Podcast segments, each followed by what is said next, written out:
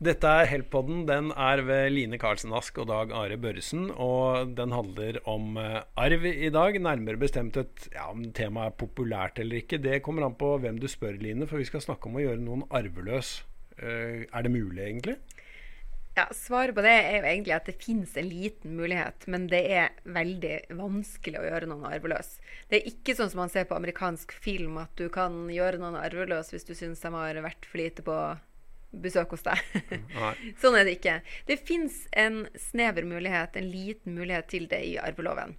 Og det er hvis eh, barnet ditt har gjort ei handling som har medført ett år eller mer i fengselsstraff mot deg, din ektefelle, samboer eller um, andre nærstående. ikke sant? Ja. Andre barn eller uh, foreldrene, besteforeldre osv. Ok, Da er det en ganske snever gruppe du kan gjøre arveløs, med andre ord. da. Uh, og I tillegg så er det jo det at da, hvis du lager et testament hvor du skal gjøre noen arveløs, så må det stadfestes av kongen. Av kongen, du? Ja. Ja vel. Så her går det, ikke, det skal ikke være noe enkel eh, operasjon å gjøre noen arveløs. Ja, Nå står det ikke kongen personlig, så, men det, og det, dette skjer sikkert ikke så ofte.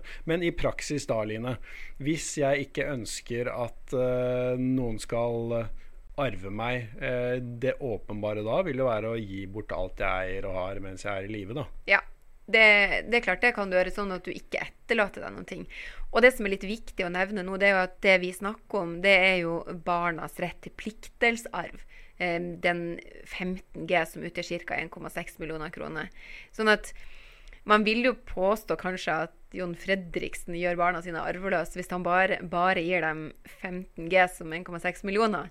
Um, men det kan man jo gjøre. Man kan jo begrense pliktdelsarven til barn. Så det vi snakker om nå er arveløst, det er jo at du mottar kroner null. At det ikke er mm. noe igjen til deg. Ja.